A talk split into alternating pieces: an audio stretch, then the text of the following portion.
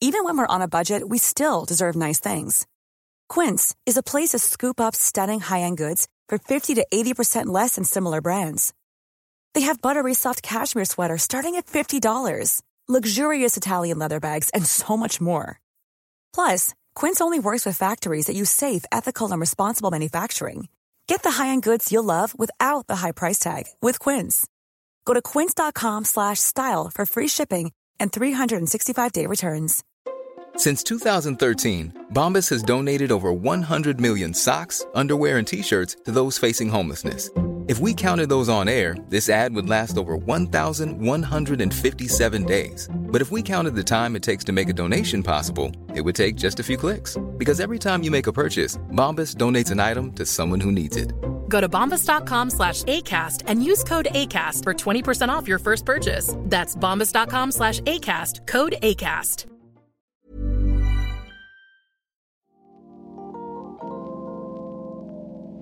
Det här är ett samtal med Hamid Zafar, tidigare rektor, skribent och debattör. Vi pratar om vad som hände när det uppdagades att Hamid hade skrivit rasistiska och sexistiska saker under pseudonym under flera år. Hur tedde sig livet efteråt? Vad tänker han om det som hände? Och vad väntar i framtiden? Vi pratade också om några av de frågor som Hamid ofta bevakade som just skribent. Det här är en podd med Adam Zweiman i vilken jag pratar med personer som har någonting meningsfullt och intressant att säga om vår samtid.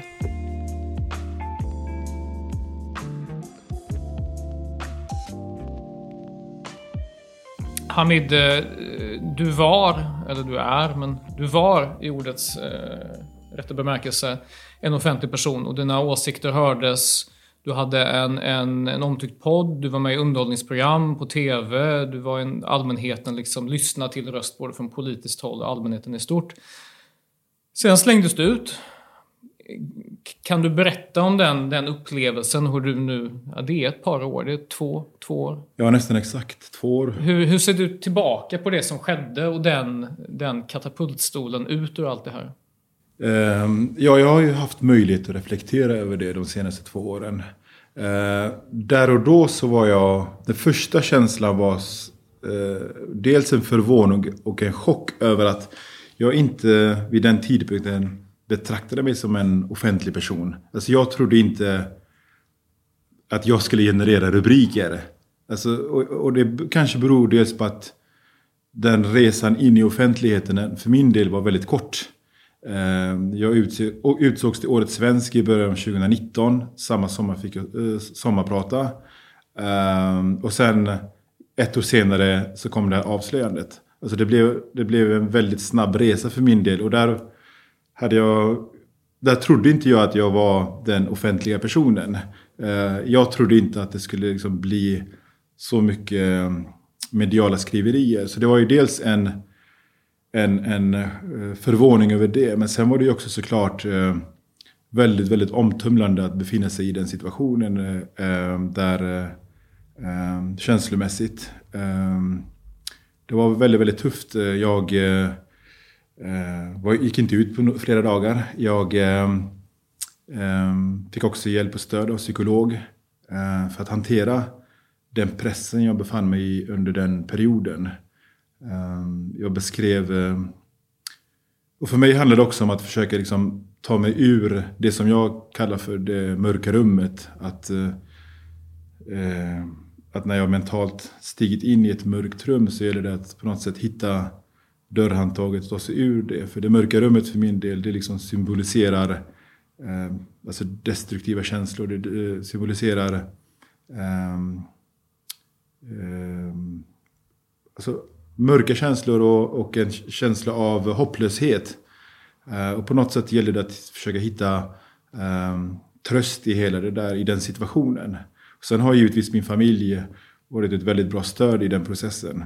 Eh, många vänner som har hört av sig och frågat. Och ehm, faktiskt, faktum är att det var vänner till mig som jag inte haft kontakt med på många, många år som hörde av sig till mig och eh, ville liksom höras, eh, känna hur jag mådde. Eh, men på alla sätt och vis var det en otroligt omtumlande process. Ett, ett eh, själsligt och mentalt stålbad skulle jag säga. Är det det värsta du varit med om? Absolut. Det finns, eh, jag brukar säga det att jag inte skulle önska min värsta fiende att gå igenom en sådan, en sådan upplevelse. Så, så är fallet. När, när, det, när det hände, det vill säga att det, det avslöjades att du under, under pseudonym eh, år, några år tillbaka i tiden då hade eh, skrivit saker som, som liksom, men, tangerade liksom, sexism, antisemitism och så vidare. Så var det eh, vissa som sa nej men det där var långt tillbaka i tiden och låt, låt alla ha ett förflutet. Alla kan göra misstag, folk är unga och dumma och så vidare och så vidare. Men då invände vissa att men det här var inte så långt tillbaka i tiden. Det var liksom, du hade redan kommit in i vuxenlivet i bemärkelsen att du jobbade, du jobbade i skolans värld. Och att det inte var fall av ungdomlig vilsenhet utan mm. att det var någonting som hade hängt med, bara att det var såklart dolt. För att mm. du vet ju om att sådana saker säger man inte offentligt. Så hur, den invändningen lär ju finnas kvar mm. är fortfarande nu. Att det där var inte så långt tillbaka i tiden. Vad, vad skulle du säga till de som, som, som säger så? Ja, alltså eh, den processen för min del, den var ju väldigt lång. Att komma till den här insikten eh, och bryta med de eh, tankegångar eh, som jag hade då och de åsikter som jag hade tidigare. Och jag hade ju lämnat den, alltså när det här avslöjades för två år sedan så hade jag ju redan lämnat det där bakom mig. Ehm, och det, där har jag också jag fått frågan, men varför lät du det ligga ute fortfarande? Du hade ju kunnat sopa spåren efter det och så vidare. Och jag, jag var ju medveten om att jag vid något tillfälle i framtiden skulle behöva angripa det där, alltså lyfta det. Någon har till och med ställt mig frågan, det här hade ju du kunnat ta upp i ditt sommarprogram, i ditt sommarprat. Eh, men jag var inte riktigt där.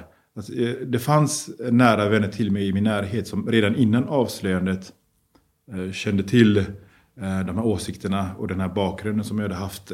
Så jag hade liksom berättat för dem om det här. Men jag hade inte nått dit i min, vad ska man säga, i min livssituation, i min resa.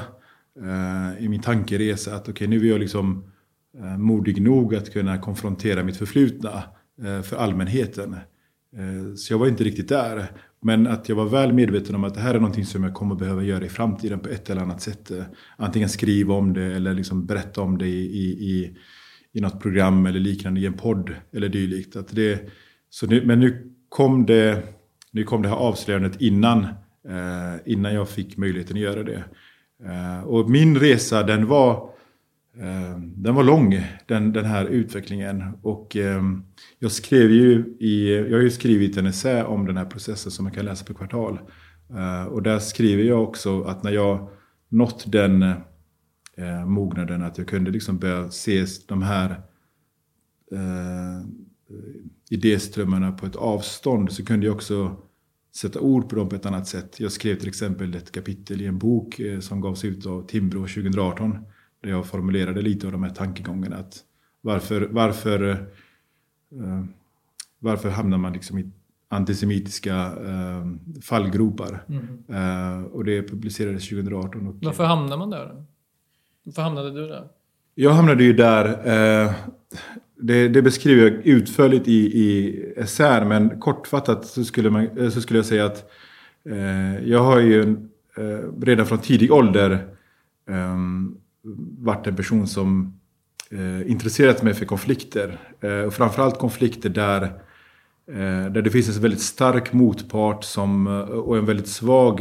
Eh, två, två parter där den ena är väldigt stark och den andra är väldigt svag. till exempel från, intresserade mig väldigt mycket för Balkankriget i början på 90-talet. Och jag själv som har bakgrund i Afghanistan är ju väldigt präglad av det eh, som, som kom till Sverige under den sovjetiska ockupationen av Afghanistan där supermakten Sovjet invaderade ett av världens fattigaste länder, Afghanistan. Eh, och eh, kuvade befolkningen. Och, eh, så jag liksom sökte mig alltid till den typen av konflikter. Och eh, eh, längs, sen så ett, en, en omvälvande händelse var ju såklart eh, 11 september där jag såg att på nytt eh, så blev Afghanistan, men också Irak därefter skådeplatsen för eh, den starkes eh, kuvande av den svaga parten, motparten. Eh, där USA gick in först i Afghanistan och därefter i Irak. Och eh, där någonstans liksom så sökte jag mig ut på nätet för att liksom, ja, intressera mig i de här konflikterna. Där fanns ju ett nytt forum via nätet, eh, att man kunde liksom söka sådana som intresserade sig för samma konflikter. Och där kom jag in på det här med, eh, med vem är det som har intresse av sådana här konflikter? Vem är det som har intresse av att eh, destabilisera eh, Mellanöstern exempelvis? Och några år senare så hade vi arabiska våren. Dessförinnan hade vi kriget mellan Israel och Libanon 2006. Eh, eh, och, och eh, alla de här alla de här konflikterna blev, blev, blev för mig också en möjlighet att ställa frågan, i synnerhet arabiska våren. Vad har, vilka är det som har intresse av att destabilisera Mellanöstern?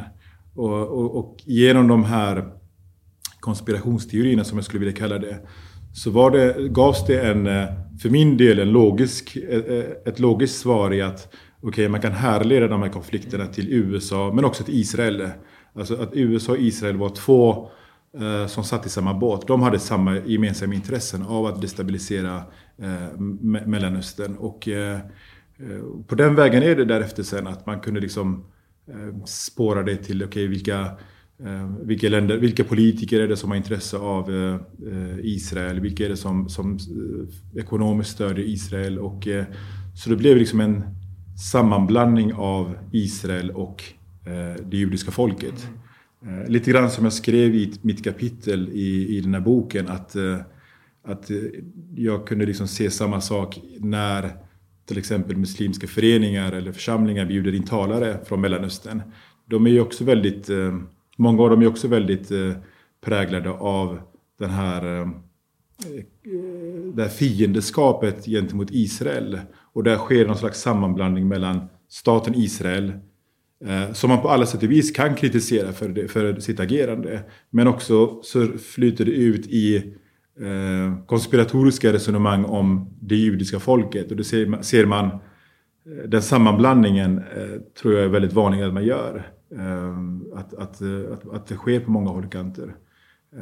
Och, där på, de, och sen givetvis bakom ett anonymt konto, alltså när, man, när man sitter där bakom skärmen och ehm, bakom anonymiteten så, så, så, ges också möjligheten att kunna häva ur sig saker och ting som man kanske aldrig har sagt, hade sagt i det offentliga. Det tror jag också är, är ganska vanligt. Jag brukar jämföra det lite grann med Eh, för det har jag fått ibland frågan kring att okej, okay, men du jobbade inom skolan, du hade ett, ett liksom offentligt jobb som tjänsteman. Hur kombinerade du det här, dina åsikter i det privata med ditt eh, offentliga jobb? Eh, och, då, och då brukar jag säga att, att en bra jämförelse är den bästa jämförelsen som jag kan ge är det här med att ingå i ett slags eh, fotbollshuligangäng, en, en, en gruppering det finns ju extremer där också. Du har liksom den vanliga fotbollssupporten, du har huliganer och så har du ultras mm. som, som, eh, som utgör en, en ganska extrem eh, grupp som också söker konflikter med andra eh, från rivaliserade lag. Och det här är ju människor som, som söker sig till eh, våldet men sen kan kombinera det med att gå hem och jobba med sina vanliga jobb. Men det är kanske ingenting man pratar om på sitt arbete. Att okej, okay, igår var jag ute och spöade Gais-supportrar. Eh, det, det är kanske ingenting man pratar öppet om på sitt jobb. Men tror du det kan vara så att det är rätt många som hyser konspiratoriska uppfattningar, eh, negativa stereotyper om olika befolkningsgrupper och så, bara att man är väldigt väl medveten om att det här är absolut ingenting man gör en, uttalar under eget namn, för man vet, så att säga, man, man vet kostnaden medan bakom anonymitetens slöja så kan man, kan man så att säga eh, ge utlopp för de här känslorna och tankarna och uppfattningarna? Jo men det tror jag. Alltså, jag tror att de flesta om man, som varit inne till exempel på Twitter eller på andra sociala medier, men framförallt Twitter där det ändå förekommer en ganska livlig politisk debatt, um, så är ju så är det väldigt många som sitter bakom ett anonymt konto. Och där är det vissa av dem som öppet säger att det här är jag, jag, har valt anonymiteten för att det här är ingenting som... Eh, jag vill inte att någon motståndare ska kontakta min arbetsgivare eller liknande. Så jag tror att det där är, eh, förekommer eh, relativt ofta. Det kan man ju också se till exempel på forum som Flashback och liknande där folk kan häva ut sig eh, rasism och allt möjligt om invandrare. Eh, och då sitter de där bakom mm. ett anonymt konto.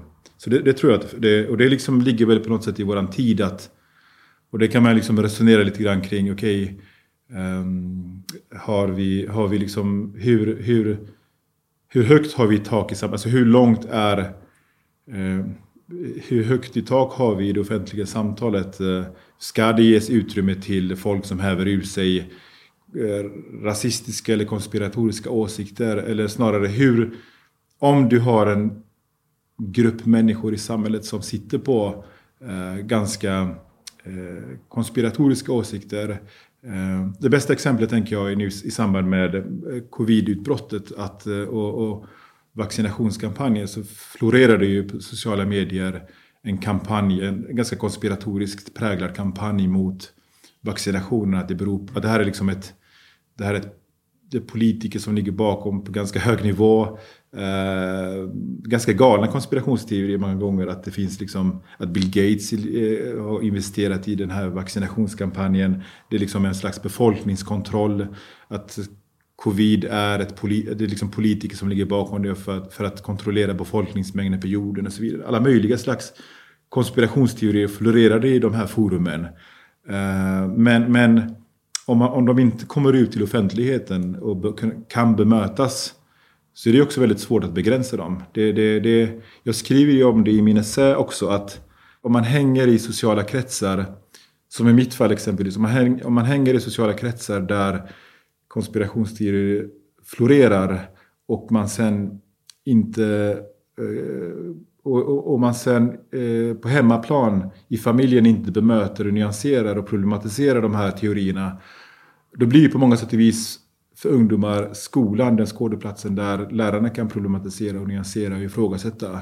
Om skolan sen inte tar det, det, det samtalet så, så, så, finns det ju ingen riktig arena för dem där det kan möta, bemötas. Jag tänker till exempel ett relativt färskt exempel, eller det är inte så färskt, men för några år sedan så var det ju en en tjej på någon gymnasieskola i Sverige som eh, hade bestämt sig för att skriva om Israel och Palestina-konflikten. Eh, och då fick hon rådet av sina lärare att inte skriva den konflikten för att det fanns elever på skolan som kunde eh, kränkas eller ta illa vid sig av, av att skriva om, om, den, om den saken. Och det är en konflikt som lever kvar idag. Jag vet att det fanns, eh, när jag studerade historia på universitetet så, så fanns det också kritik mot, eller det fanns också tveksamheter kring om man skulle skriva om Balkankriget för att det fanns folk som, det fanns både serber, serber och bosnier här som kunde ta illa vid om man skrev på ett visst sätt. Eh, ehm, jag tänker någonstans att de offentliga institutionerna, som i det här fallet skola, universitet, högskola, deras roll är oerhört viktig att kunna, att kunna dels ge möjlighet och utrymme för eh, studenter och elever att kunna ehm, prata och diskutera om de här frågorna och de här konflikterna. Men om, men om de liksom inte vågar ta det samtalet och istället duckar för det för, på grund av att någon, någon ska bli kränkt eller någon ska ta illa vid sig så tror jag att det är lite av ett sluttande plan. Mm.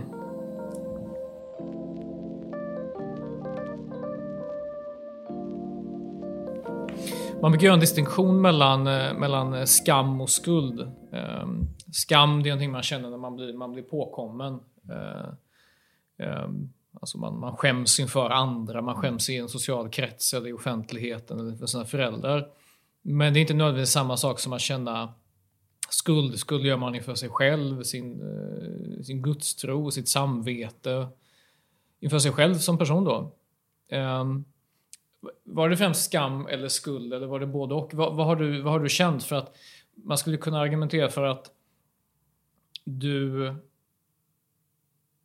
du just nu håller på så att säga städar upp och gör en förklaring av vad du varit med om.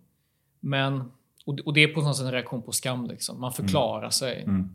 Jag, är, jag är sen här för att jag har spårvagnen, vad det nu kan vara. Liksom. Ja, men, men, men, skuld känner man djupt. Man kan ju ha gjort saker som man vet är fel utan att känna så här jättedjup skuld. Man tänker så här, äh, jag var ung, dum eller jag hade den åsikten. Så här, vad, hur, hur resonerar du kring skam och skuld i relation till till, till vad du var med om och vad du gjorde och så? Ja, alltså jag tror inte att jag gör så tydlig distinktion mellan de två. För jag menar, jag kände ju på många sätt och vis en skam inför eh, min familj. Alltså min familj var ju inte medveten om de här åsikterna som jag hade. Så det var ju liksom på samma vis som allmänheten blev chockad över det så blev också min familj helt tagen på sängen. Uh, jag kände en uh, skam inför att min mamma till exempel skulle gå till jobbet och Eh, hennes kollegor visste ju vem jag var. Hur hon skulle ta det samtalet med sina kollegor. Um, så det fanns ju, det är klart att jag var väldigt skamsen inför det. Jag kände skam inför eh, eh, personer som hörde av sig till mig och var besvikna. Jag tänker särskilt på det var en ung kille som skrev ett brev till mig hem där han skrev att han på grund av mig och mitt arbete inom skolans värld hade blivit motiverad att söka sig till lärarutbildningen för att han tyckte att men där vill jag göra en god insats. Och, eh, eh, men att när han liksom hade läst om det här avslöjandet så hade han blivit väldigt besviken. Och det är klart att jag kände en väldigt djup skam inför det. Eh, att det där och jag kände jag kände en djup skam framförallt eftersom jag hade sårat så många människor. Så det skulle jag säga det, det, det, det är det som jag har känt allra, allra mest. Um, så att uh, jag gör nog inte så riktigt tydlig distinktion för att jag hade ju...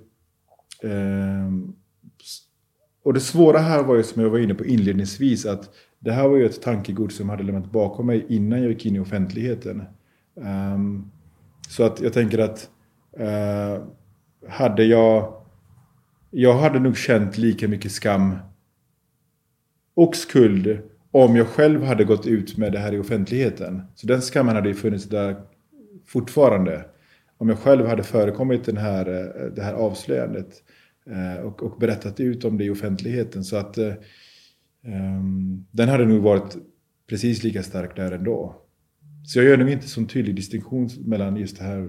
Jag har ju känt skam på många sätt och vis. Och och där jag tänkte, det är klart att man liksom in, innerst inne resonerar, har resonerat.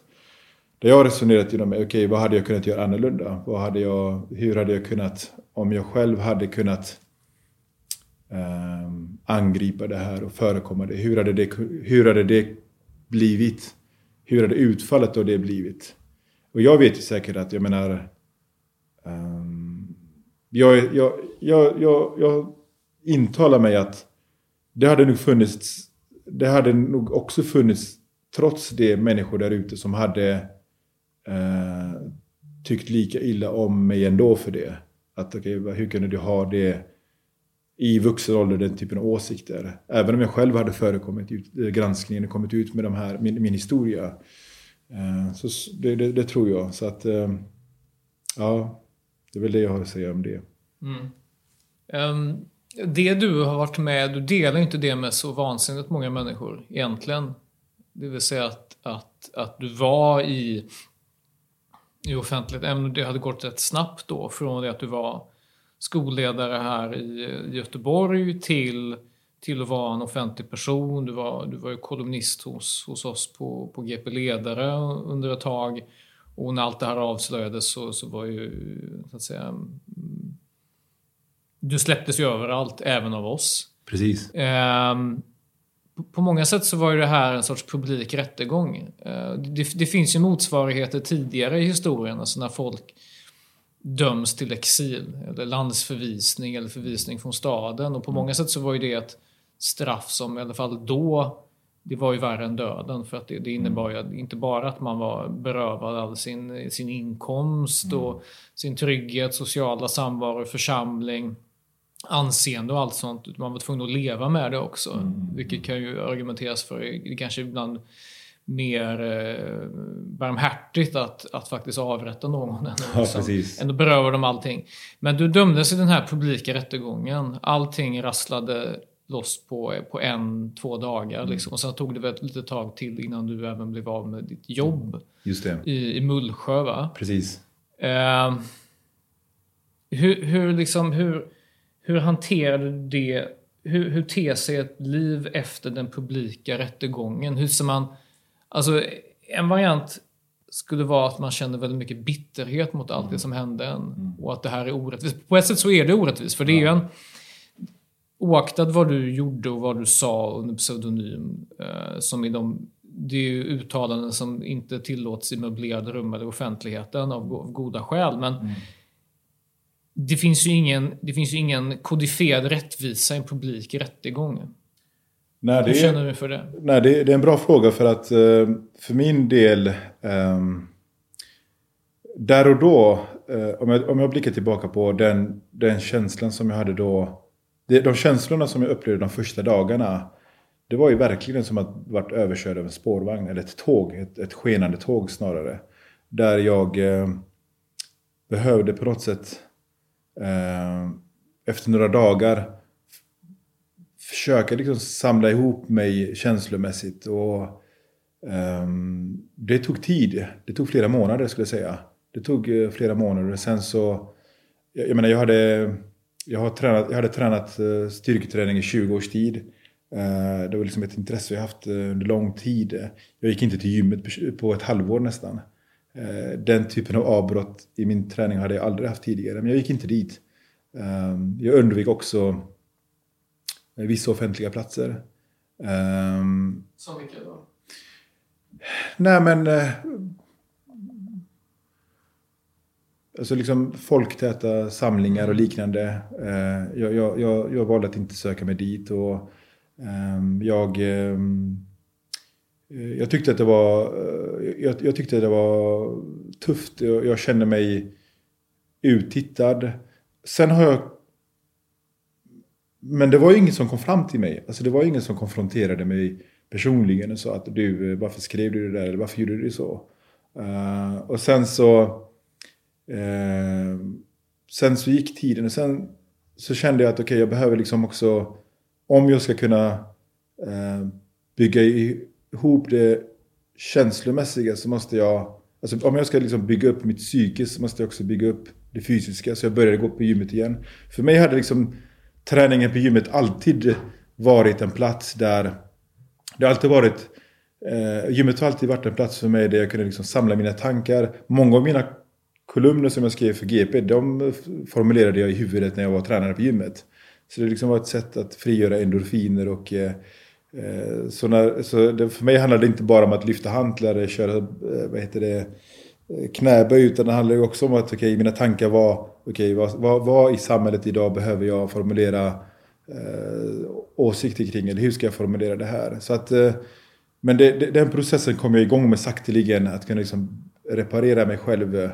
Och någonstans längs med vägen eh, så kände jag att okej, eh, jag, jag, det glömde jag också säga att jag, jag, jag försökte liksom göra aktiviteter som var konstruktiva på många sätt och vis för att inte hamna i, ett- i ett djupt dike. Uh, jag har efter den här processen, de här två åren, fått en oerhörd, ö, känner en oerhörd ödmjukhet inför människor som hamnar i ett missbruk. Alltså i min värld tidigare så fanns inte det liksom på kartan det här med Eh, och det här låter kanske, kanske ganska hårt det här med att säga att men du vet, människor som hamnar i ett missbruk, alkoholmissbruk eller narkotikamissbruk. Det kändes så på något sätt för, för mig sådär främmande. Att hur hamnar människor där? Alltså vad är det som gör att människor hamnar där? Men eh, jag känner efter den här, de här två åren en, en helt annan ödmjukhet inför, inför eh, människor som hamnar där. Jag har haft anställda som har haft missbruk av olika slag som jag som chef har behövt hantera, remittera till, till företagshälsan och hjälpa dem, kontakta HR-avdelningen så att få dem på rätt, rätt köl. Men nu var jag på något sätt i en process där jag är väl medveten om att jag själv hade kunnat hamna snett. Eh, om jag inte hade fångat upp mig själv. Och, och, eh, så det kan, jag, det kan jag lugnt konstatera att jag har fått en helt annan ödmjukhet inför människor som hamnar i ett missbruk av ett eller annat slag. Eh, miss, den, den typen av alltså missbruk av olika slag. Det handlar inte, som jag kanske naivt trodde tidigare, okej det är liksom om man hamnar snett i livet, eller skilsmässa eller liksom man blir av med jobbet. Och så, alltså det är liksom en händelse. Utan det kan liksom vara massvis med olika saker som gör att man hamnar där. Nu hamnade jag ju inte där som tur är. Eh, men, men, men jag är väl medveten om att jag hade också kunnat hamna där. Ehm, men, men eh, jag behövde liksom bygga upp mig eh, mentalt, fysiskt och på många sätt, sätt och vis. Sen så underlättar det givetvis av att jag, eftersom jag har alltid haft ett stort samhällsengagemang så har jag också eh, följt mycket av samhällsutvecklingen. Det, och då jag menar, om vi bara blickar tillbaka på de två senaste åren så har det ju hänt mycket i, i samhället. Eh, Jag tänker på, och det har också hänt exceptionella händelser har inträffat. Jag tänker till exempel förra sommaren mordet på polisen Andreas Danman i Biskopsgården. Alltså i mina gamla trakter där jag jobbade tidigare. Jag tänker på eh, nu i somras så sköts det ihjäl en gammal elev till mig. Eh, du har alltså saknat och helt enkelt delta i samtalet jo, om de här sakerna? Ja, och det, det, är bara några exempel. Jag tänker också på de här kravallerna med Paludan i våras. Yeah. Det kom, upplevde jag när jag läste om det och tog del av debatten på tv och i tidningarna. Att det fanns någon slags... Eh, det var lite grann som att man... Och samhället och politikerna blev lite sådär tagna på sängen. Att, och jäklar, det är så många människor. Alltså det rör sig liksom inte om en, två, tre unga kriminella killar som ger sig på polisen. Vi pratar liksom om hundratals som med stenar attackerade polisen. Och där upplevde jag att okej, okay, här, här, fanns det, här, här fanns det saker och ting som jag skulle kunna sätta ord på. Vad beror det på att så pass stor grupp mm. av, av, av invånarna i ett område ger sig på polisen? Varför ger man sig på polisen? De är ju där för att vara någon slags stöd och hjälp och skydda allmänheten. Men man gav sig på dem. Så att jag, jag skulle ljuga om jag sa att det inte har kliat i mina händer där jag liksom velat eh, sätta ord på, på saker och ting som skett i samhället. Men rätt, rättvisan eller orättvisan i bli dömd på det här, låt oss säga eh, godtyckliga men ändå väldigt så att säga moraliska viset. Mm. För det är ändå så här, det, det, det, finns någonstans implicit en uppfattning om att man kan inte säga sådana saker mm. eh, som, som du sa under pseudonym och samtidigt vara en, en företrädare inom skolans värld. Man kan inte vara i ett lekprogram på TV. Ja. Man kan inte vara exempelvis kolumnist på en tidning eller så vidare. Samtidigt så är det någonting så... Så att det finns någon sorts moraliskt i det. det. Men det finns en sorts... Eftersom det inte är en kodifierad rättvisa. Mm. Så är den väldigt brutal. Ja, och där, där har jag reflekterat över eh, inombords hade domen mot mig varit annorlunda om jag hade begått ett brott? Alltså om jag hade liksom i min roll förskingrat massa pengar. Eh, vilket man kan göra om man är chef. Det kan man göra. Mm. Så liksom, eh, det, vi har ju sådana exempel på, på i offentligheten där, där, där pengar har förskingrats. Alltså eh, kommunala medel och liknande. Eller om jag hade begått ett annat slags brott. Hade domen mot mig som offentlig person varit annorlunda? Jag vet inte, men det är någonting som jag har reflekterat över. att eh, Ehm, hur hade...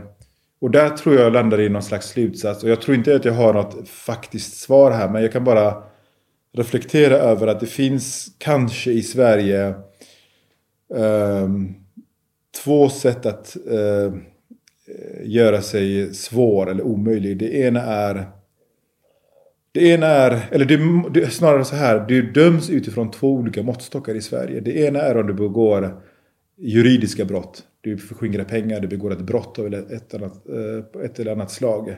Men det andra är en moralisk, eh, ett moraliskt brott. Där jag tror att jag begick moraliska snedsteg. Jag hade åsikter som i offentligheten, som du är inne på, inte hade varit okej okay att ha. Eh, jag, jag, jag begick moraliska snedsteg och, och, och hade moraliska tillkortakommanden på alla sätt och vis. Uttryckte gräsliga saker och ting eh, om människor. Och eh, det är möjligt att man kan spekulera i att kanske hade inte domen, jag, jag, vet inte, men kanske hade domen mot mig varit annorlunda om jag hade begått ett brott av ett annat slag. Ett juridiskt brott? Ett juridiskt brott. Du tror det hade varit mer milt eller mer hårt? Alltså jag tror att det möjligtvis hade varit mer milt. Eh, eller i alla fall inte möjligtvis fått den här, de, här, de här stora konsekvenserna.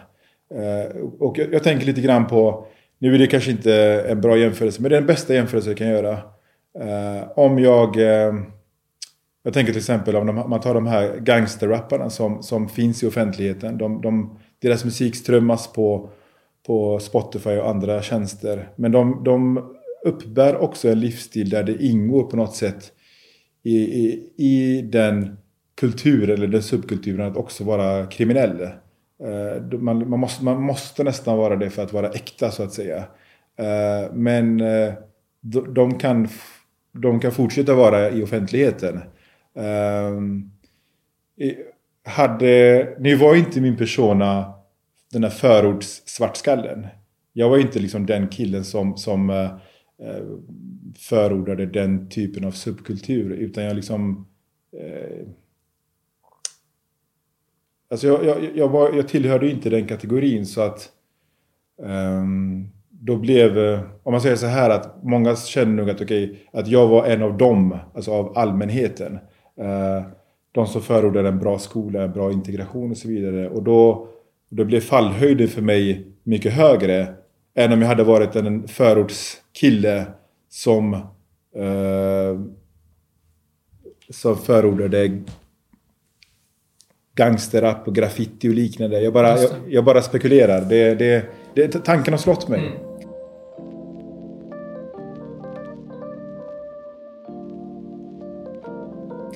apropå det då, för att det tycks på ett sätt som att Sverige har ju blivit ett mer heterogent land på alla sätt och vis. Vi mm. har fler kulturer, religioner, normuppsättningar. Mm.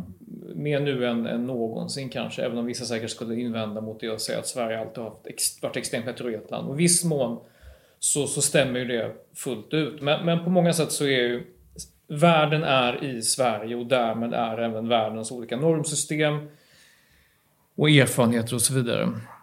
Samtidigt så är svensk offentlighet relativt snäv. Mm. Det vill säga, eh, när man talar eh, fint om exempelvis, men ta exempelvis, ta gangsterrappen som du tog upp nu. Mm. Liksom. Det, det, är ett, ett, det är som vår tids eh, arbetar, liksom litteratur. Mm. På ett annat sätt, fast, fast med spoken word. Men offentligheten är... Och, det, och då tillåter man det att läcka ut lite. Att det kommer mm. liksom alltså åsikter om kriminalitet som kan vara våldsförhärligande eller vad det nu kan mm. vara. Och när det kommer åsikter som i offentligheten aldrig skulle accepteras. Mm. Om du talar här om fallhöjd. Att man, mm. alltså det, det grasserar ju exempelvis antisemitism i Malmö mm. för att Ja, för att människor kommer från Mellanöstern där mm. antisemitism är väldigt naturligt sammanlänkad mm. med synen på utrikespolitik. Mm, mm det är inte konstigare än så. Nej, nej. Och jag är ibland förvånad över att folk är så förvånade över att det skulle ja, vara precis, så. Precis. Så vi har den här naturliga heterogeniteten som ibland mm. kan vara läskig för vissa, men man konfronteras ju inte med den. Mm. Samtidigt så är svensk offentlighet bestående främst av antingen majoritetssamhälle svenskar eller till det här majoritetssamhället assimilerade personer med utrikes bakgrund. Mm, mm. Tror du det blir en dissonans däremellan? Att vi, vi är så snäva kaffedrickande svenskar i det här vår lilla tjattrande klass och i den tjänstemannaklassen. Mm. Och sen så har vi delar av Sverige som är bara, det är en annan värld som man knappt kan föreställa sig. Jo men det tror jag att det finns en sån dissonans. Jag tror att eh, det intressanta tycker jag det är när den där eh, blir synliggjord i offentligheten. Jag tänker på till exempel eh, det har ju varit en debatt i det i USA tidigare när, um, när, när rappare i USA till exempel, som var, de är ju oerhört framgångsrika, de blir väldigt, väldigt framgångsrika många av rapparna. Uh, och, och, och, när deras texter innehåller ganska liksom homofoba texter, eller sexistiska texter, då blir det på något sätt uh, Rent logiskt sett så kan man ju tycka det att okej, eh, okay, uh, hur förhåller man sig i en feministisk sfär gentemot rappare som har väldigt sexistiska och homofoba texter. Eh, och där kan man ju man kanske kan liksom sätta in det i någon slags, jag vet inte, man kanske kan sätta in det i någon slags makthierarki.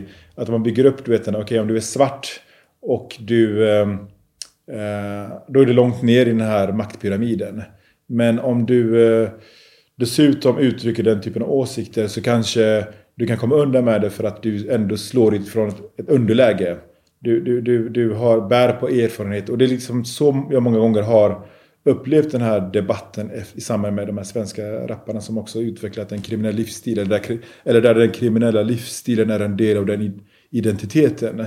Där så har ju vissa, företrädesvis på vänstersidan, har ju sagt att det här är viktiga röster som eh, från, från, från förordet som vi behöver lyssna på. Så har det ju ofta låtit i debatten att de här är viktiga röster. Men om man, men om man ser igenom det där, vänta lite, det innebär ju samtidigt att man också ser mellan fingrarna på ganska sexistiska, ganska homofoba texter.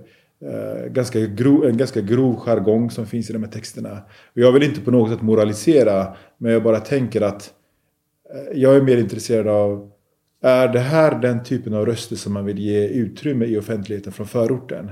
Alltså min erfarenhet är att de flesta människor som lever i förorten, de skriver inte under på den typen av livsstil. De, de, många av dem är inte ens bekväma med den typen av, av, av subkulturer som finns eh, eh i, i förorterna. Eh, där, där, där, eh, där man liksom har ett våldsförhärligande budskap. Eh, min erfarenhet är att människor som bor i förorten, de, de, de vill liksom ha trygghet i, sin, i, sin, i sitt närområde. Eh, de vill inte ha några, några eh, ungdomar som ägnar sig åt kriminalitet, knarkförsäljning och liknande. Var är deras röst i, i, i de sammanhangen? Varför de här kulturskribenterna och dylikt, varför, varför lyfter, de, lyfter inte den typen av röster fram? Kan det vara att det passar? Det passar bättre. Alltså om man hade massa, massa människor i förorten som förordar ett, ett, ett, ett småborgerligt tråkigt liv och inte var ett, så att säga, ett rop på hjälp underifrån. Då är det inte lika intressant som, som om man har de här Alltså det är som utfallet någon sorts exotisering, att man vill ha det här som på något sätt bekräftar också ens världsbild, att, att vi har ett extremt ojämlikt samhälle och att det är liksom förtrycket ovanifrån som orsakar den sociala misären. Ja, och de får ju också för, för innerstadssvensson och inte minst för innerstadsakademikerna så fyller ju också de här unga individerna en roll i deras, eh, i deras eh, verklighetsbeskrivning. Att, okay, att det finns arga unga killar i förorten som, som liksom, eh, nu får möjligheten att ta till orda. Att det ska liksom någon slags klassisk schablonbild över att Eh, det ska ske någon slags eh, motståndskamp eller någon slags revolution och den ska liksom ske från betongen. Eh, det är liksom en klassisk, ganska stereotyp bild av det som sker där ute. Men mycket riktigt, som du är inne på, den, den, den, jag tror att man har historiskt sett haft en ganska exotisk bild av förorten. Det, det, det, oavsett politisk hemvist tror jag. Både om man beskrivit den från höger eller vänster, vänsterhåll så har det funnits en väldigt exotisk bild av, över förorten och eh, eh, där man liksom försökt eh, lägga fram den som annorlunda, att de där människorna är, är, är bara, bara hur vi benämner förorten, vi, vi kallar det för utsatta områden. Alltså hela terminologin kring när vi beskriver människor som bor i de här områdena det är ju på något sätt som att de är utsatta för någonting. Och då kan man ställa sig frågan, vad är det de är utsatta för? Är det det övriga omkringgivande, omkringliggande samhället som de är utsatta för?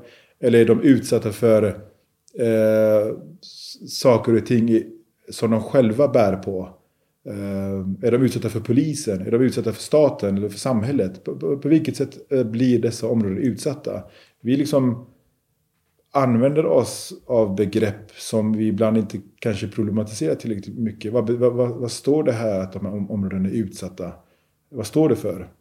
Eh, så jag tror att det finns en väldigt skev beskrivning av förorten. Och jag är väl medveten om att, eller jag är övertygad om att människor som jobbar och verkar ute i förorten väldigt snabbt kommer underfund med att de, de flesta människorna här ute, de vill göra gott, de vill liksom bidra, de vill kunna Ehm, de vill ha trygghet.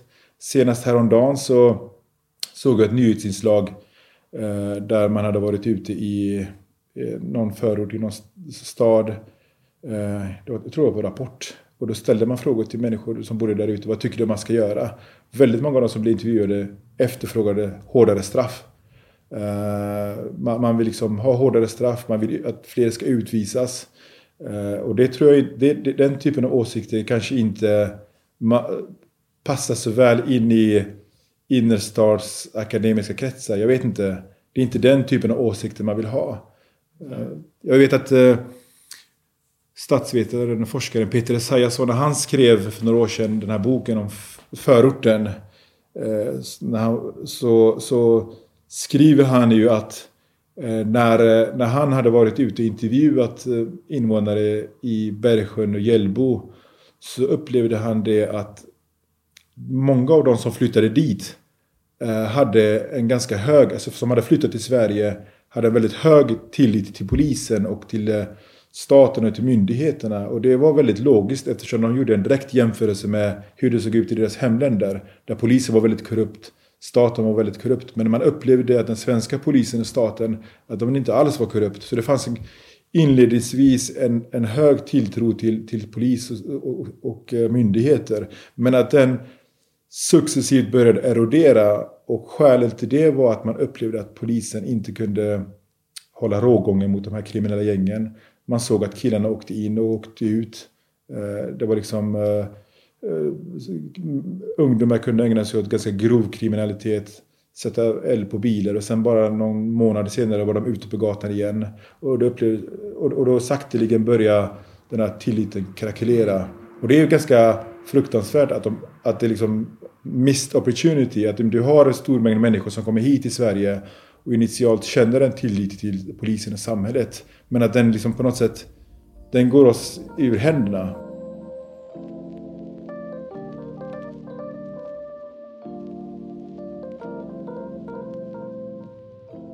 Låt oss tala lite om, om identitet. Eh, jag, får, jag får ibland känslan att det är nästan oavsett var man kommer ifrån, vilket land man än kommer ifrån, vilken kultursfär man än kommer ifrån, så är eh, beroende på vart man hamnar i Sverige, under vilket årtionde det var, hur sammanhanget såg ut i stadsdelen man kom till.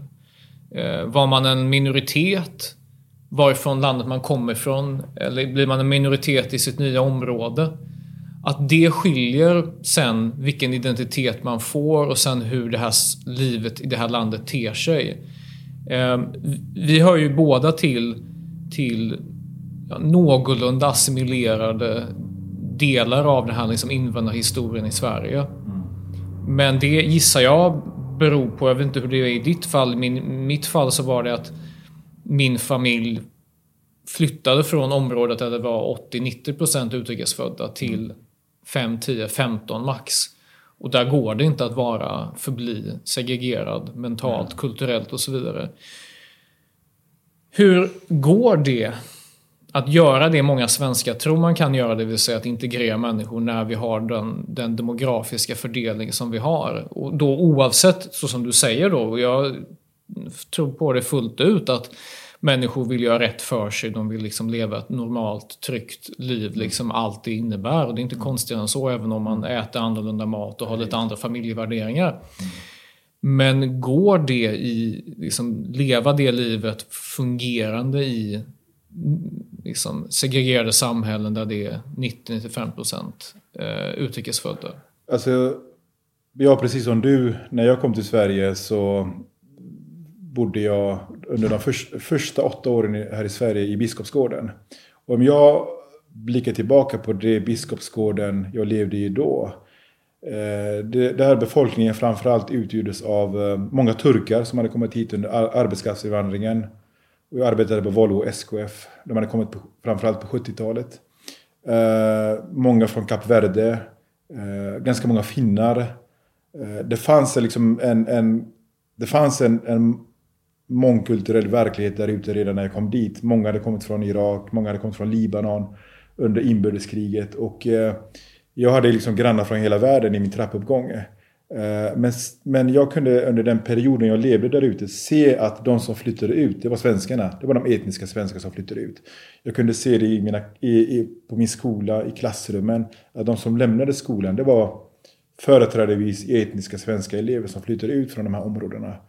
Eh, och att idag komma tillbaka till, till eh, de här förorterna som, som där, där, där, mycket riktigt som du är inne på, där har ju den demografiska förändringen varit så påtaglig att eh, du idag har oerhört få som är där, där oerhört få etniska svenskar bor och lever i. Där, när jag arbetade i Biskopsgården så tror jag att av 500 elever kunde vi räkna fram tre eller fyra barn med etnisk svensk bakgrund där båda föräldrarna var svenskar eh, av, av 500 elever. Idag är det en verklighet att det finns skolor där knappt, där eleverna som, alltså invandrarelever som är födda i Sverige, de kommer knappt i kontakt med något etniskt svenskt barn. Eh, I bästa fall den enda svensken de möter i sin vardag, det är läraren. Eh, de har inga etniska svenska grannar. De träffar inte dem på skolgården eller i klassrummen. De träffar inte dem ute på gården när de leker. Ehm, eh, och det i sin tur är ju oerhört logiskt till att, en, en, att du, kan växa, du kan vara född i Sverige idag, du kan gå i svensk skola idag, men du kan vara så oerhört avskärmad från majoritetssamhället. Det, det, det, det, det, det resulterar i. Att vi har en situation idag eller låt mig lägga fram det så här. Jag tror att man politiskt från Sveriges håll haft en föreställning om att de föräldrar som flyttade hit till Sverige eh, tidigare Förväntningarna var inte någonstans att de här människorna skulle liksom bli akademiker. Eh, alltså, jag, jag, tror inte det fanns sådana förväntningar. Utan man nöjde sig med att de lärde sig hygglig svenska. De började arbeta som busschaufförer, undersköterskor och liknande. Att de gjorde, betalade skatt och gjorde rätt för sig. Jag tror att förväntningarna låg där någonstans. Men man hade ändå en förhoppning om att deras barn som hade gått i svensk förskola, gått i svensk skola, de skulle assimileras in i det svenska samhället även om man aldrig använde sig av den typen av begrepp som assimilering. Utan man trodde att de skulle komma in naturligt och harmoniseras in i det svenska samhället. Verkligheten idag är att många av andra generationens invandrare, de här barnen som vuxit upp i de här förorterna, de känner ett större avståndstagande till det svenska samhället än kanske deras föräldrar gjorde. Eh, det, det utanförskapet, man brukar prata om att det har gått i arv. Eh, det har man börjat se tydligare numera, att, att man ser att det går i arv. Det har skapat... Och det, och det här är komplext för att där föräldrarna många gånger stod ändå med stadiga ben i sitt hemlands kultur, i sitt hemlands språk. Eh, jag minns till exempel när jag växte, växte upp i Biskopsgården. Väldigt många av turkarna i min klass, de åkte hem till Turkiet på somrarna. De var borta hela sommaren i Turkiet. De bilade ner dit. De vistades och besökte släktingar där nere. Idag, och jag tror också att det beror på att väldigt många av deras föräldrar var trygga i att kunna vistas och besöka Turkiet. De var väldigt trygga i den turkiska kulturen. Jag tar turkarna som ett exempel eftersom det är de jag vistades och levde bland. Eh, men jag tror att det gällde då för väldigt många invandrargrupper eller flyktinggrupper. Men verkligheten idag är att de ungdomar som är födda här i Sverige med föräldrar som är födda i andra länder. De känner sig inte trygga och står inte med stadiga ben i sina föräldrars kulturer och hemländer. Men de gör inte heller det i det svenska. Så de står utan en stadig, ett stadigt ben i någon, någon del av, av de här två världarna. Och där tror jag i det här det är väl det man kan kalla ett utanförskap eh, i reell mening. Att de här ungdomarna, de, när de i sin tur också skapar en aversion mot eh, majoritetssamhället. Det är det som i, i det och, eh, fostras också, eller snarare det blir på något sätt en möjlighet i att gå in i kriminalitet, gå in i, känna, känna ett, ett avstånd för, för det svenska. Ehm, jag har hört till exempel resonemang som att ehm, att vara svensk är att vara svag. Att liksom man, man skapar en slags karikatyr av hur en svensk är. Att liksom, svensken står inte egentligen för någonting. Eh, svenskar är konflikträdda. Alltså ganska mycket sådär schablonbilder av, av, av hur svenskar är i, des, i de här miljöerna. Eh, och det där tror jag är ett jätteproblem som man inte har på något sätt kunnat fånga upp i Sverige. Hur gör vi med den här väldigt stora massan, det här väldigt stora antalet av andra generationens ungdomar som inte känner lojalitet med majoritetssamhället. Där tror jag är den riktiga, den riktiga utmaningen i framtiden. Jag får känslan att svenska politiker egentligen både till vänster och höger inte har någon aning om hur de ska närma sig det här. För från vänster tänker man att det är en fråga om om förutsättningar, om satsningar och så vidare. Och det är klart det är en del av sanningen. Men, och sen högern tänker rätt mycket på ordning och reda, um, kanske en del företagande, straff och komma åt de kriminella gängen. Men jag tänker mer med att det här, alltså det som har hänt är att den här naturliga, jag tänker använda ordet assimilation för det är i praktiken det som händer. Jag lägger mm. ingen värdering om det, så, i det. Men att den den förväntan som fanns. Och det var en rimlig förväntan. Mm. Första generationen, ja, de kommer ha det svårt. Mm. Och de kommer, kommer, kanske jobba och göra rätt för sig. Men nästa generation kommer... Och så är det ofta. Många, många andra generationen kommer... Klarar sig bättre. Klarar sig bättre, får mer kunskap, de kanske gifter sig in i, i det svenska samhället. Och de, liksom så här, nej, de kommer inte vara liksom etniska svenskar och, och kulturellt så svenska. Men tillräckligt mycket för att det ska fungera. Mm. Men om den här processen upphör, för det är klart, det är klart den upphör ifall du är 100%, du är född i Sverige och du förskola, skola, du möter ingen, du får inga koder, normer. Mm. Ditt språk är kanske fattigt också på många sätt. Eh, det är klart att då saknar du alla de redskapen som krävs. Och det är ingen socialsekreterare eller ens lärare. Mm. Eller polis eller någon mm. annan som kommer hjälpa dig få det. Alltså, mm. Jag lärde mig Sverige för att andra barn lärde mig Sverige. För att de kunde Sverige, för att de hade fått Sverige spontant. Um, men när det här då upphör, det blir ett stopp liksom. Och kanske andra generationen är mer alienerad från Sverige än vad första generationen var. Precis. Vad fasiken gör man då? Det tror jag inte man politiskt har ett svar på idag.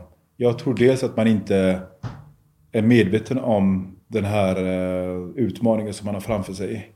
Uh, jag tror att man, men inte alls har förstått, eh, kunnat överblicka vad, vad, vi har framför oss. Jag tänker också på, eh, apropå det du var inne på, ehm, det finns ett bra exempel på det i, eh, apropå det här med sociolekter. Det finns Diamant Salihu som har skrivit den här boken Tills alla dör om gängkriget i, på Järvafältet i Stockholm.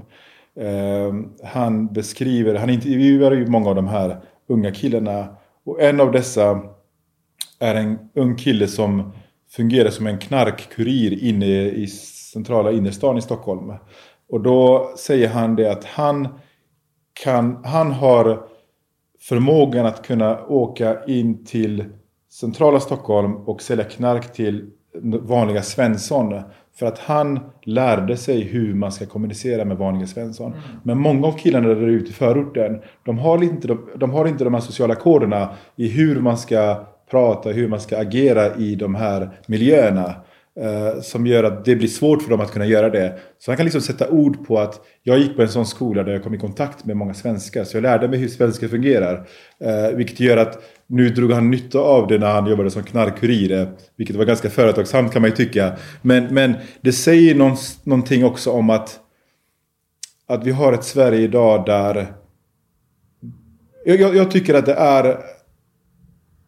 Jag tycker att det är någonting oerhört som politikerna inte kunnat adressera. Att vi har ett Sverige idag. Att en så pass stor mängd ungdomar växer upp, föds och växer upp i Sverige idag. Där de inte liksom känner sig på något sätt de känner ingen gemenskap med, med, med, med, med Sverige överlag. Och eh, eh de, det blir på något sätt...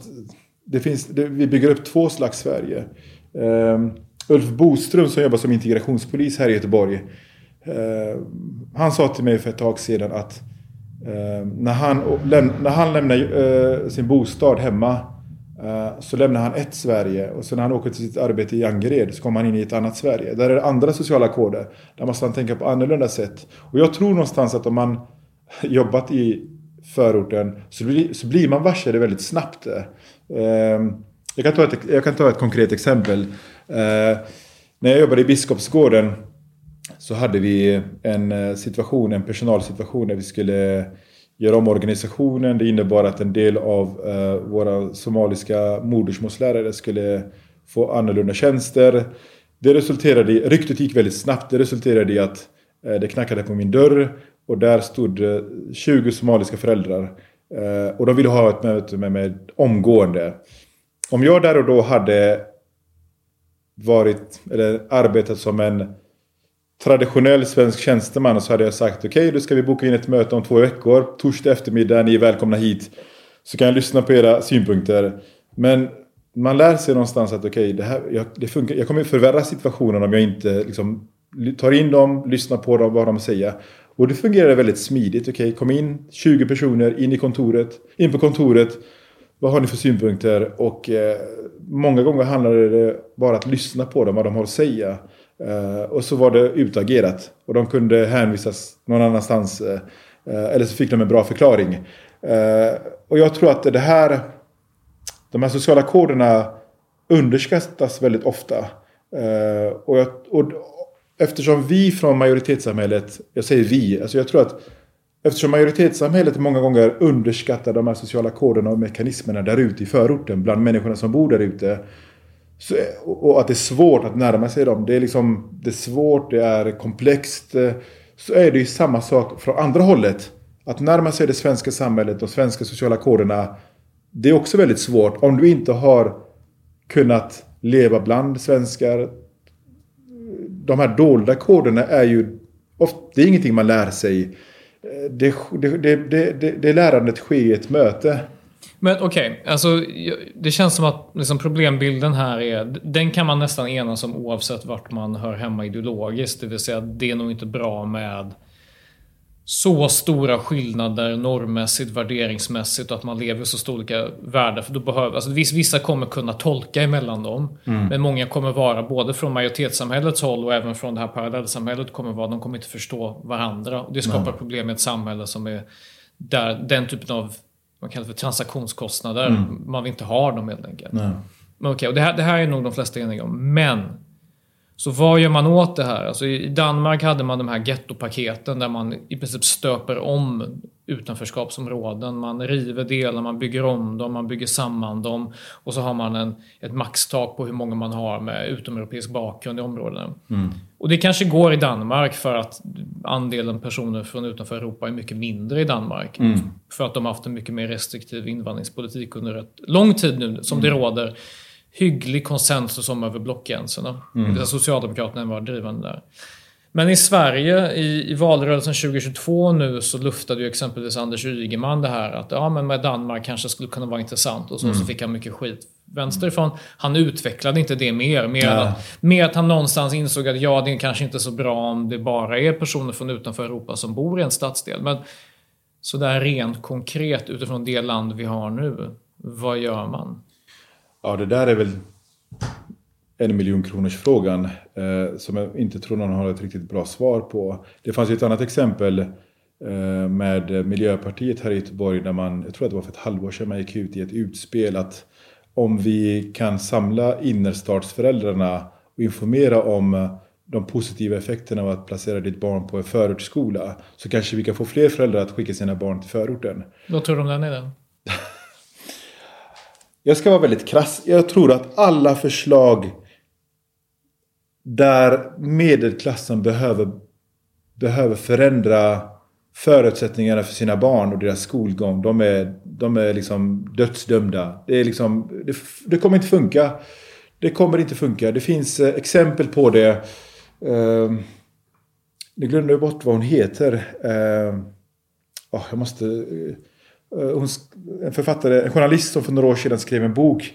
Eh, en självupplevd berättelse där hon eh, berättar om när hon och hennes man bestämde sig för att flytta ut till Tensta tror jag det var. Och då skulle de bo där och de skulle minsann visa att vi kan bo här ute i förorten och det är inte så farligt och det är inte så illa. Sen, hade ni, sen, placer, sen valde de inte att placera sina barn på skolorna där ute så att de skickade dem ändå till innerstan. Så att helt, helt assimilerade in i den förortskulturen blev de ju inte riktigt barnen. Men, men ändå. Eh, det var ju liksom ändå ett ambitiöst eh, eh, försök. Men hela den, vad ska man säga, hela det projektet det kom till sin ända väldigt, väldigt abrupt när hennes äldsta son blev rånad på väg hem från tunnelbanan till bostaden. Två gånger inom loppet av en månad. Och då bestämde sig hon och hennes man för att ta sig till pick och pack och flytta därifrån. Så att, och de, jag tror att de identifierar sig som vänster, solidariska med människor som flyttat hit. De var solidariska med människor som bodde i förorten, eller bor i förorten. Men de människorna som bor där ute, de kan inte ta sitt pick och pack och flytta därifrån. De har inte den förmågan och möjligheten. De har inte det, det kapitalet att kunna göra den resan eh, och flytta runt i stan. Så att jag tror att, jag tror att om man ska kalla det för ett, en, en demografisk utmaning idag så är det, har det fått, vi har låtit det, eller politiken har låtit det få gå så långt där man inte har sett på de här negativa konsekvenserna som det kan skapa, som jag var inne på tidigare till exempel med det här utanförskapet bland ungdomarna som är födda och uppvuxna här i Sverige. De var inte riktigt medvetna om det. Och nu har, det fått låta, nu har man låtit det gå så långt att inte ens den typen av ganska radikala åtgärder som Danmark föreslår eller har föreslagit, det, kan inte, det, det, det, kommer inte fungera heller. Det kommer bli väldigt svårt att genomföra det.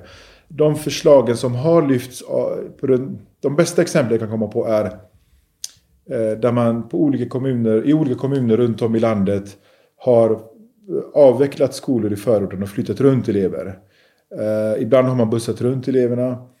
och det skapar ju alltid eh, ramaskri bland, bland de svenska föräldrarna. Hur, hur ska det här gå till? Eh, och det, det, är någonstans, om jag uttrycker det krasst, solidariteten för människor som har flyttat hit, alltså svenskarnas solidaritet för människor som har flyttat hit, den slutar någonstans med när det, när det, när det innebär att man behöver göra egna uppoffringar. Gör man inte en egen uppoffring indirekt via skattesedeln eftersom det är klart jo, att det fast kostar? Den, den, den, får ju inte direkta konsekvenser för mitt barn. Nej. Eh, och då, och då, ja, om inte fördelningsnyckeln är sådan att det är så mindre pengar i Fast det, det, det, tror jag man redan gör. Alltså, jag tänker så här, man har ju redan i, i, runt om i, i de flesta kommunerna har ju redan en, eh, en resursmodell som innebär att man, man viktar eh, elevpengen utifrån socioekonomiska faktorer. Det har man i de flesta kommuner. Man har det i Göteborg, Stockholm, Malmö till exempel. Där man tittar på olika faktorer som elevernas, eh, föräldrarnas utbildningsbakgrund, om huruvida de är födda i Sverige eller inte, eleverna. Alltså många av de här faktorerna bidrar till att vikta fram en, en summa där, vilket innebär att elever i förorterna oftast har betydligt högre elevpeng. Men frågar du rektorerna och lärarna där ute i dessa skolor så skulle de ändå säga att vi har ändå problem. Att, och det vittnar ju om att det handlar inte om resurserna. Alltså det är liksom inte... Lösningen är inte så enkel som att uh, skjuta till ännu mera resurser. Det kan hjälpa på, på, till en viss del. Det kanske kan liksom... Du kan, kanske kan förstärka lärar, lärargrupper ytterligare med ett antal lärare. Men det är mer komplext än så för att det handlar om andra faktorer också. Det handlar om det jag var inne på tidigare. Att du har, hur ska du kunna skapa en, Eh, en, en, en, känsla av att de här eleverna ska tillhöra eller vara en del naturligt, en del av majoritetssamhället om de inte kommer i kontakt med, det, med majoritetssamhället. Om du inte har de här eleverna, etniska svenska eleverna i klassrummet. Jag hade det när jag växte upp i Biskopsgården. Jag hade etniska svenska elever i, i, i mitt klassrum. Jag är inte övertygad om jag hade kommit till Sverige idag, bosatt mig i Biskopsgården, gått på någon av skolorna där ute. Att jag idag hade kunnat göra den resan som jag, jag har gjort. Eh, jag tror att det, hade, det, det berget hade varit betydligt svårare för mig att bestiga. Att kunna liksom närma mig mm. eh, majoritetssamhället. Eh, så att vi har enorma problem framför oss just när det gäller det här med identitetsfrågor, sociolekt och dylikt. Och det tror jag att man har från politikens håll inte vågat närma sig. Jag tror att man har haft en väldigt naiv syn på mångkultur. Alltså man, man slänger sig med begreppet att Sverige är ett mångkulturellt samhälle. Men vad betyder det egentligen? Realiteten är ju det att du har de många kulturerna koncentrerade... Sida vid sida, fast inte med varandra. Ja, eller jag skulle säga så här. Du har de, du har de många kulturerna koncentrerade till vissa eh, områden i storstäderna, eller i städerna. Men eh, majoritetskulturen är på en annan plats. Eh, du har, eh, eh, Ehm, har... Man har också en väldigt begränsad förståelse av kulturerna som verkar där ute. Jag var för några år sedan Eh, i Malmö och mötte personal som hade jobbat många år inom SFI och med nyanlända. Och då minns jag att jag ställde frågan till dem. När är man integrerad i Sverige? Eh, de hade alltså, i princip lika många deltagare som fanns där, lika många svar fick jag. Det fanns liksom ingen konsensus om när man blir integrerad i Sverige. Vissa menade ja, men det är när man kan det svenska språket. Vissa menade nej, det är när man jobbar eller betalar skatt. Eller eh, det är när man känner sig svensk och så vidare. Men frågan är hur många av de som växer upp i våra förorter känner sig som svenskar idag? Ganska få skulle jag tro. Eh, det tror jag, man har dels inte gjort upp med den, den, den diskussionen i Sverige kring Eh, vad det innebär att Sverige är ett mångkulturellt samhälle. Eh, det, det, det, det, är en sådan sak. Eh, sen så tror jag den här saknaden, avsaknaden av förståelsen för människorna som flyttat hit. Att det, det, vi har valt av förklarliga skäl, för enkelhetens skull, att försöka placera människor i fack. Okej, okay, de är invandrare, de har flyttat hit och så nöjer man sig med det. Men att liksom, det krävs ju en större förståelse för okay, vad är det för samhällen de har lämnat bakom sig. Det förklarar till exempel varför vissa, vissa varför till exempel eh, vissa har svårare att komma in i det svenska samhället. Varför den barriären är betydligt högre för vissa. Eh, jag menar till exempel att vissa av de satsningar som man från samhället gjort i förorten har kanske direkt varit kontraproduktiva. Ta till exempel det här med kulturer. Begreppet kultur i Sverige menar jag är ett... Eh, det har liksom en positiv laddning. Alltså vi liksom förknippar kultur med kulturfester, kulturfestivaler, eh, kulturhus, kultursatsningar. Det liksom har en, en positiv laddning. Men egentligen är kultur en, ett neutralt begrepp. Eh, det finns ju kulturella fenomen som har kommit till Sverige som, eh, som jag tror att de flesta skulle vara överens om att det, det har haft en negativ inverkan på, på Sverige. Ta det här med hederskultur exempelvis. Ta det här med eh, Eh, eh, det som varit på tapeten i media på senare tid, de här romska rättegångarna. Eh, ta de här parallella rättegångarna och rättsväsendet. Det tror jag att många skulle säga att det, är, en slags kultur du inte vill ha i Sverige. Men man har, men, men man har inte liksom pratat om kultur i Sverige på det sättet att här finns det fenomen som har kommit hit som vi behöver adressera. Som till exempel, det tog många, många år i Sverige innan man ens ville liksom kännas vid att hederskultur är någonting som har kommit till Sverige. Och det, jag tror fortfarande inte man har gjort klart den diskussionen idag. Um, uh, jag, jag, tror att, jag tror att det finns många saker man inte har tagit itu med här i Sverige. För, av rädsla för att närmar man sig de, de frågorna så, så gör det man främlingsfientliga krafter i Sverige. Det, det, den... Och den skräcken är väl på intet sätt borta. Utan mer än någonsin så är ju det, alltså man är ju mitt intryck av exempelvis den här valrörelsen som har varit under augusti och september är ju att man är betydligt mer rädd för vad som eventuellt skulle hända ifall Moderaterna och KD skulle behöva förhandla med Sverigedemokraterna än vad man är rädd för vad som händer ifall parallella samhällen med normsystem som är väsensskilda från det som är accepterat i mainstream-samhället om de växer till. Det är man inte riktigt lika rädd för. Man är mer rädd inför det eventuella mörkret inom sig själv som man bär på. Man är mm. rädd för liksom, den här rasismen som skulle kunna bubbla upp och så vidare. Mm, mm. Snarare än att, ja, det här är ju ändå året då vi hade de här Rasmus Paludan eh, koranbränningarna mm. med de kravallerna efteråt. Det, jag skulle säga att det är någon det är en historisk händelse i Sverige. Det kommer gå till historien som någonting på nivå med, med 2004 med Mohammed-karikatyrerna och det som mm. hände då. Alltså det, det var ju 300 poliser som anmälde skador och så vidare. Det, mm. det är oerhört, men det är fortfarande inte det som stora delar av den här liksom innerstadsgruppen oroar sig för. Precis, och jag lyssnade på några av de här eh Eh, Eh, jag tog del av en del av den här debatten som, som kom i efterdyningarna av de här kravallerna. Och då menade vissa att det var, vad heter det, det var inte... Det, det var, det, var, det var inte okej okay att polisen gav Paludan möjligheten att hålla sina demonstrationer eller sina koranbränningar i förorten, i de här förortsområdena. Att han, de istället borde ha gett, gett honom tillstånd i, på andra platser centralt, i centrala delar av de här städerna. Men då förstärker man ju indirekt, eller man bidrar ju, bidrar ju på något sätt att förstärka bilden av att människorna som bor i förorten, de är liksom de är avvikande, de är, de är liksom känslostyrda, eh, de är annorlunda än oss. Så det är väl inte det som är syftet med att om du vill att de här människorna ska bli en del av Sverige så måste du väl tro på att de ska kunna liksom förstå varför vi har yttrandefrihet i Sverige, varför vi har demokrati i Sverige.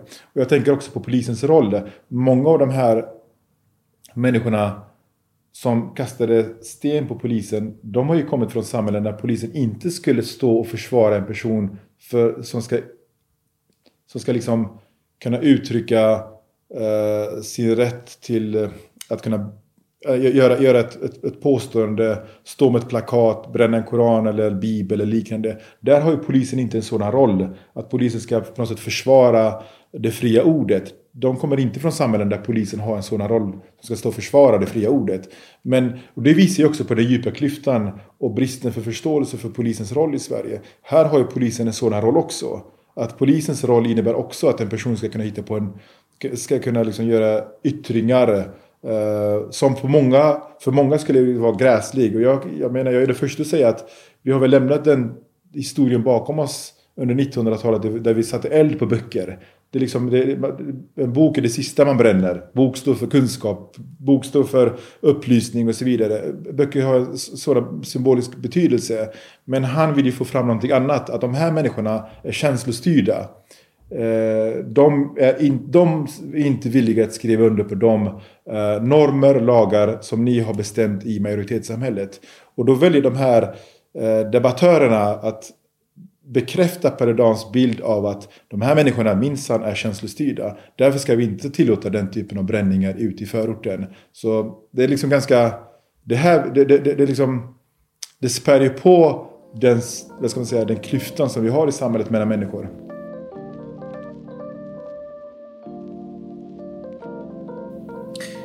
Hamid, vad, vad, vad väntar i ditt, eh, i ditt liv nu? Vad har, du för, vad har du för planer? Har du några drömmar? Uh, jo, men jag, jag vill ju fortsätta arbeta med uh, integrationsfrågor uh, och skolfrågor. Jag tror att det finns väldigt mycket i Sverige idag som man behöver uh, hantera just utifrån kunskaps, rent kunskapsmässigt. Ehm, jag tror att, jag tror att vi befinner oss, befinner oss i ett, i ett, i ett vägskäl i Sverige där ehm, vi behöver liksom fatta kanske vissa väldigt obekväma beslut. Det här som du var inne på tidigare kring eh, eh vad ska man säga, demokratisk omfördelning och liknande för att, för att på något sätt drastiskt bryta segregationen, utanförskapet. Vi har den typen av eh, beslut framför oss som jag tror att politikerna ännu bara kanske nosat på. Eh, och jag tror att den processen kanske för många svenskar blir väldigt eh, smärtsam. Att, att eh, det här var inte det jag hade, det här var inte det jag skrev på när jag, eh, ehm, när jag ville att vi skulle vara solidariska och ta emot många människor till Sverige. Men eftersom man aldrig riktigt tog tag i integrationsfrågorna på ett ordentligt sätt i Sverige så tror jag att väldigt mycket kvar att göra.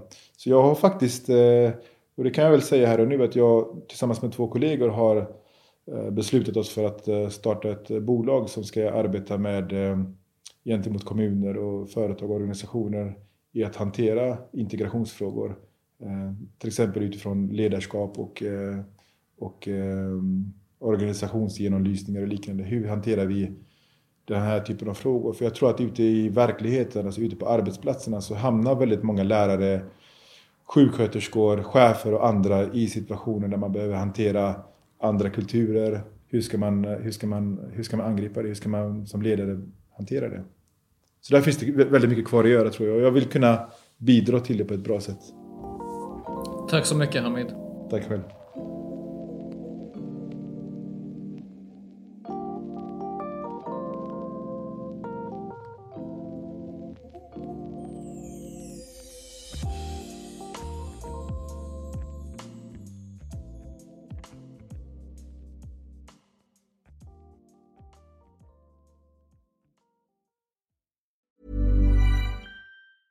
Planning for your next trip? Elevate your travel style with Quince. Quince has all the jet setting essentials you'll want for your next getaway, like European linen, premium luggage options, buttery soft Italian leather bags, and so much more. And is all priced at 50 to 80% less than similar brands. Plus, Quince only works with factories that use safe and ethical manufacturing practices. Pack your bags with high-quality essentials you'll be wearing for vacations to come with Quince. Go to quince.com slash pack for free shipping and 365-day returns.